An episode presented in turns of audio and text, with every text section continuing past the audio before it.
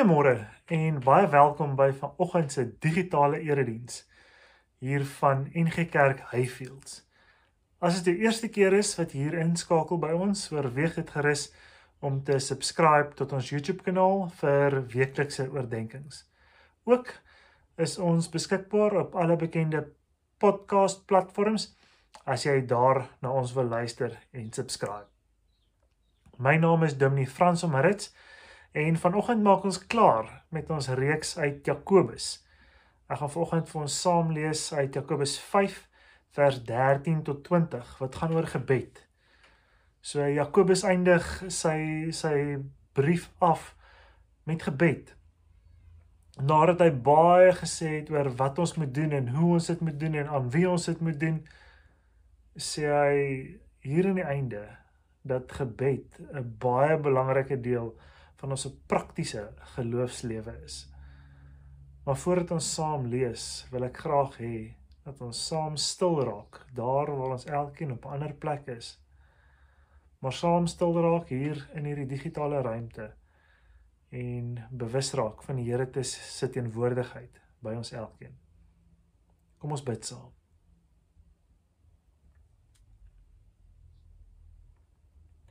Ons Here Jesus Christus Here, dankie vir hierdie oomblikke wat ons saam met U kan spandeer, Heer. Here, help ons om al meer en meer stil oomblikke in ons lewe in te bou sodat ons al dieper op U kan fokus. Here, ons loof en ons prys U vir hierdie wonderlike tyd wat ons het saam met U. Kom open nou ons oë van geloof dat ons sal sien wat U vir ons wil wys. Heer, kom open ons ore dat ons sal hoor wat U vir ons wil sê. En dat ons deur kan sien en te kan hoor ook sal gaan doen wat U vir ons sê om te doen. Amen. Ek wil graag vir ons Jakobus 5 lees vanoggend, ehm um, vanuit die 83 vertaling, die Afrikaanse 83 vertaling en dit is bladsy 306 in my Bybel. So ek lees vir ons Jakobus 5 vers 13 tot 20. As daar iemand onder julle is wat swaar kry, moet hy bid. As daar iemand is wat opgeruimd is, moet hy lofliedere sing. En as daar iemand van julle is wat siek is, moet hy die ouderlinge van die gemeente laat kom en hulle moet vir hom bid en hom met olie salf onder aanroeping van die naam van die Here. En as hulle gelowig bid, sal dit vir die sieke genesing bring. Die Here sal hom gesond maak. As hy gesondig het, sal dit hom vergewe word. Bely julle sondes eerlik teenoor mekaar en bid vir mekaar sodat julle gesond kan word. Die gebed van 'n gelowige het 'n kragtige uitwerking. Elia was 'n mens net soos ons. Hy het ernstig gebid dat dit nie moet reën nie. En in die land het dit 3 jaar en 6 maande lank nie gereën nie. Toe hy weer bid, het die hemel en die toe het hy weer gebid en die hemel het ger, het reën gegee en die aarde het sy oes gelewer. My broers, as een van julle die waarheid van die waarheid afdwaal en iemand sou hom terugbring, weet dan dat hy wat 'n sondaar van sy dwaalweg terugbring, hom uit die dood red en maak dat 'n menigte sondes vergewe word. Tot sover vanoggend. So Jakobus wys hier so basies vir ons drie dinge wat ons moet raak sien. Dat ehm um, ja ja, hy hy wys vir ons drie dinge wat een ding sê. En hierdie drie dinge wat hy vir ons wys is as dit swaar gaan met jou, bid. As jy gelukkig is, bid. En as mense omgee nodig het, gaan na hulle toe. En in hierdie drie dinge sê hy dat dit belangrik is om te bid. Dis belangrik om gereeld met die Here te praat. So ons het nou al gesien oor die afgelope 3 weke dat Jakobus 'n baie praktiese teoloog is. En dat hy onderstreep dat ons in die kerk uh, as volgelinge van Jesus Christus, ons geloofsfamilie ons moet gereeld bid. En dat die kerk 'n plek van gebed moet wees waar ons bymekaar kom om te luister na wat die Here vir ons wil sê. So wat wil hy nou volgens vir ons sê? Dat gebed iets in ons doen. Dat gebed iets vir ons doen en dat gebed iets deur ons doen. Daardie drie dinge is belangrik vanoggend. Ons moet bid want dit is so noodsaaklik vir ons almal soos asemhaal. Ons kan nie sonder gebed nie. 'n Kollega van C.S. Lewis lank gelede toe hy nog gelewe het, het hom gespot en en hierdie anekdote is is vasgevang. En die kollega het hom gespot omdat hy gebid het uh na die afsterwe van sy vrou. En 'n ander kollega, Christopher, het hom bemoedig en gesê um Jack, kan jy maar spot? Maar ek weet hoe hard jy bid. Hoe hard jy gebid het en dat God nou besig is om jou gebede te beantwoord. En dan um antwoord C.S. Lewis hierdie kollega van hom en hy sê dis nie hoekom ek bid nie. Ek bid nie dat dat die Here my gebede beantwoord nie. Ek bid want ek kan myself nie help nie. Ek bid omdat ek hulpeloos is. Ek bid want hierdie behoefte vloei uit my uit die hele tyd of ek slaap en of ek wakker is. Ek bid want ek het behoefte om met die Here te praat. My gebede gaan nie die Here verander nie. Ek bid dat my gebede wel vir my gaan verander. Ons weet dat gebed nie altyd die moeilikheid of die swaar kry wegvat nie. Maar dit dit transformeer en dit verander. Gebed verander gewoonlik vir ons. Iemand het eendag gesê dat dapperheid is vrees wat leer bid het. As jy wil hê God moet jou genees, moet jy plek maak vir hom in jou lewe. Dalk moet ons dit eerder so stel dat God reeds in ons is deur die Heilige Gees om daarvan bewus te wees moet ons voortdurend op sy teenwoordigheid fokus. Gebed is hoe ons op hom op hom fokus wat in ons bly.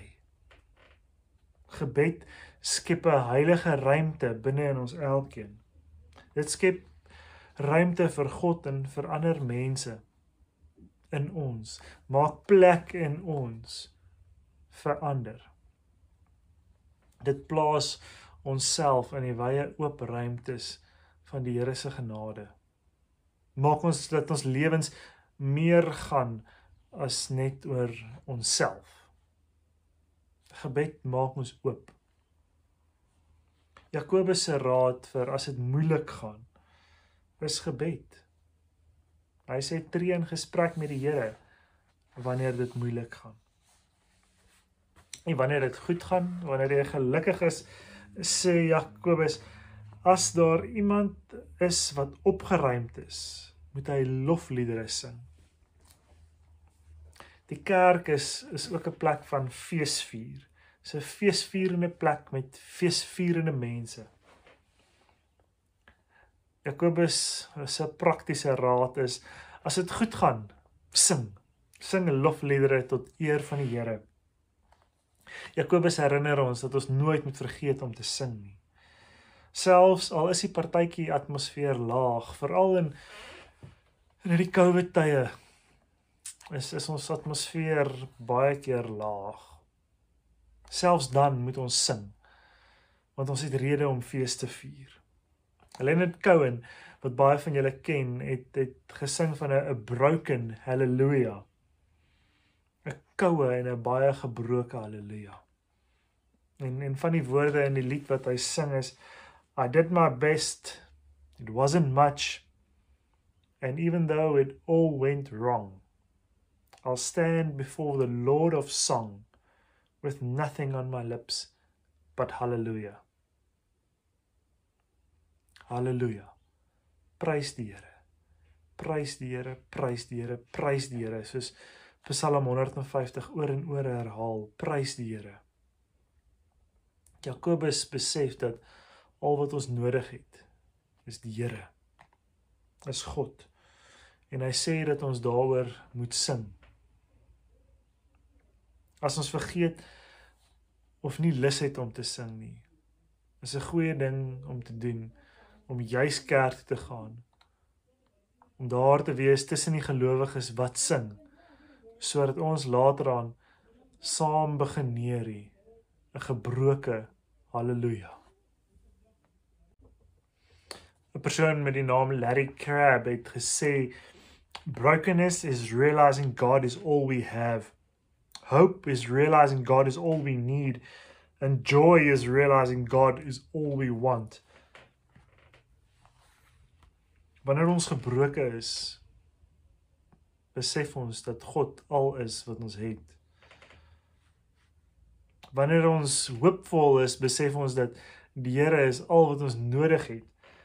En wanneer ons vol vreugde is, besef ons dat die Here al is wat ons wil hê. So beweeg mens van gebrokenheid deur die hoop na die vreugde altyd gefokus op die Here. Die Here dra ons in ons gebrokenheid. Die Here is die een wat ons bystaan in ons hoop en wat ons laat vlieg in ons vreugde. Altyd gerig op die Here, altyd gefokus op die Here. Dit is wat ons gebed moet wees. Altyd in gesprek met die Here. Ons moet ook natuurlik nie vergeet dat die kerk 'n omgee plek is vol omgee mense nie. En gebed plaas hierdie omgee mense se voete in die rigting van die ander. Ander mense. Wanneer weet ons dat iemand bewus is van die teenwoordigheid van God? Wanneer daardie mense, daardie persone altyd gerig is na buite na iemand anders, altyd wil omgee vir iemand anders. Wanneer so iemand omgee, is die effek dat daardie liefde wat die persoon wys vir iemand anders maak dat daardie persoon besef dat die Here teenwoordig is. Omgee en liefde wys die Here se teenwoordigheid uit vir ander. Ander wat dalk soekend is of seer het, sien deur iemand anders se omgee die Here se teenwoordigheid raak, die Here se hand raak in hulle lewens. Jakobus se raad is hier in Jakobus 5 vers 13 tot 20 dat as jy alleen voel of as jy siek voel, gaan soek Jesus volgelinge uit. Gaan soek die ouderlinge uit. Bel die leiers in jou gemeente. Jy sal besef dat God teenwoordig is. Hy gee om deur ander mense. Jakobus herinner ons ook dat wanneer iemand dalk afdwaal van die pad van die Here af, moet ons hulle gaan soek. En 'n interessante verhaal hieso is om te vertel die van Lukas 15 drie gelykenisse oor iets elkeen elke keer wat wat verlore geraak het, 'n verlore munt, 'n verlore skaap en 'n verlore seun. Die mense was baie besorg oor hulle verlore skaap en verlore munt en het alles gedoen in hulle mag om daardie munt in die skaap te soek. Maar wanneer dit gekom het by die seun, het hulle hom gelos. Wat ons wys dat baie keer los ons mense wanneer hulle verlore raak. Maar ons moet dit nie toelaat nie. Ons moet juis mense gaan uitsoek wanneer ons agterkom hulle dwaal af of hulle is verlore of jy het hulle lanklaas gesien of lanklaas van hulle gehoor stuur hy SMS tikkie WhatsApp bel daardie persoon hoor hoe dit gaan en bid vir hulle sommer oor die foon oor die WhatsApp stuur die voice note en sê jy bid vir hulle jy dra hulle op aan die Here. Ons moet omgee mense wees. Omgee mense wat vir mekaar bid en mekaar dra na die Here toe. Jakobus herinner ons dat ons as kerk moet gaan en mense moet gaan haal en terugbring na die Here toe. Die Here is op 'n besonderse wyse teenwoordig by die wat hom soek. En hy is heel spesiaal by die wat sukkel om hom te vind. Of op hom te fokus in 'n wêreld wat so vol is van wêreldse geraas. Die Here is met ons elkeen. Vir party van ons is dit makliker om die geraas doof te maak. Om die geraas uit te tune en te fokus op die Here. Vir ons wat dit makliker is, ons moet vir die help wat dit moeiliker is om in te skakel op die Here se frekwensie, op die Here se radiostasie. Ons moet daar wees. Ons moet daar wees en die Here beliggaam vir die mense wat swaar kry. En ook saam met die wat fees wil vier. Wat lofgesange wil sing. Ons moet daar wees. 'n beroemde sielkundige het eendag na 'n toespraak hy 'n vraag gekry van iemand en die persoon het gevra watter raad sou jy aan iemand gee? Watter raad sou jy aan iemand gee wat agterkom hulle is op die punt van 'n senuwee in een in eenstorting? En almal het verwag dat hierdie beroemde sielkundige nou juis gaan sê, gaan sien iemand, gaan gaan sien jou sielkundige. En hy het vir die persoon gesê, Die raad wat jy vir iemand moet gee is om hulle huis agter hulle toe te maak en af te gaan na die onderdorp toe en daar iemand te gaan soek wat hulle kan help. Dit moet hulle doen. Dit is die raad wat die sielkundige gegee het. Aan iemand wat besef hulle is op die punt van 'n senuwee en instorting. Gaan help iemand anders. Ryk uit. Bied hulp aan. Jy sal agterkom die Here is teenwoordig in daardie mistieke spasie in daardie mistieke dinge wat gebeur wanneer een persoon 'n ander persoon help. Liefde ontbloot die Here se teenwoordigheid. Hoe die Gees deur ons werk. Barmhartigheid is een van die mooiste dinge wat mense aan mekaar kan doen en vir mekaar kan doen.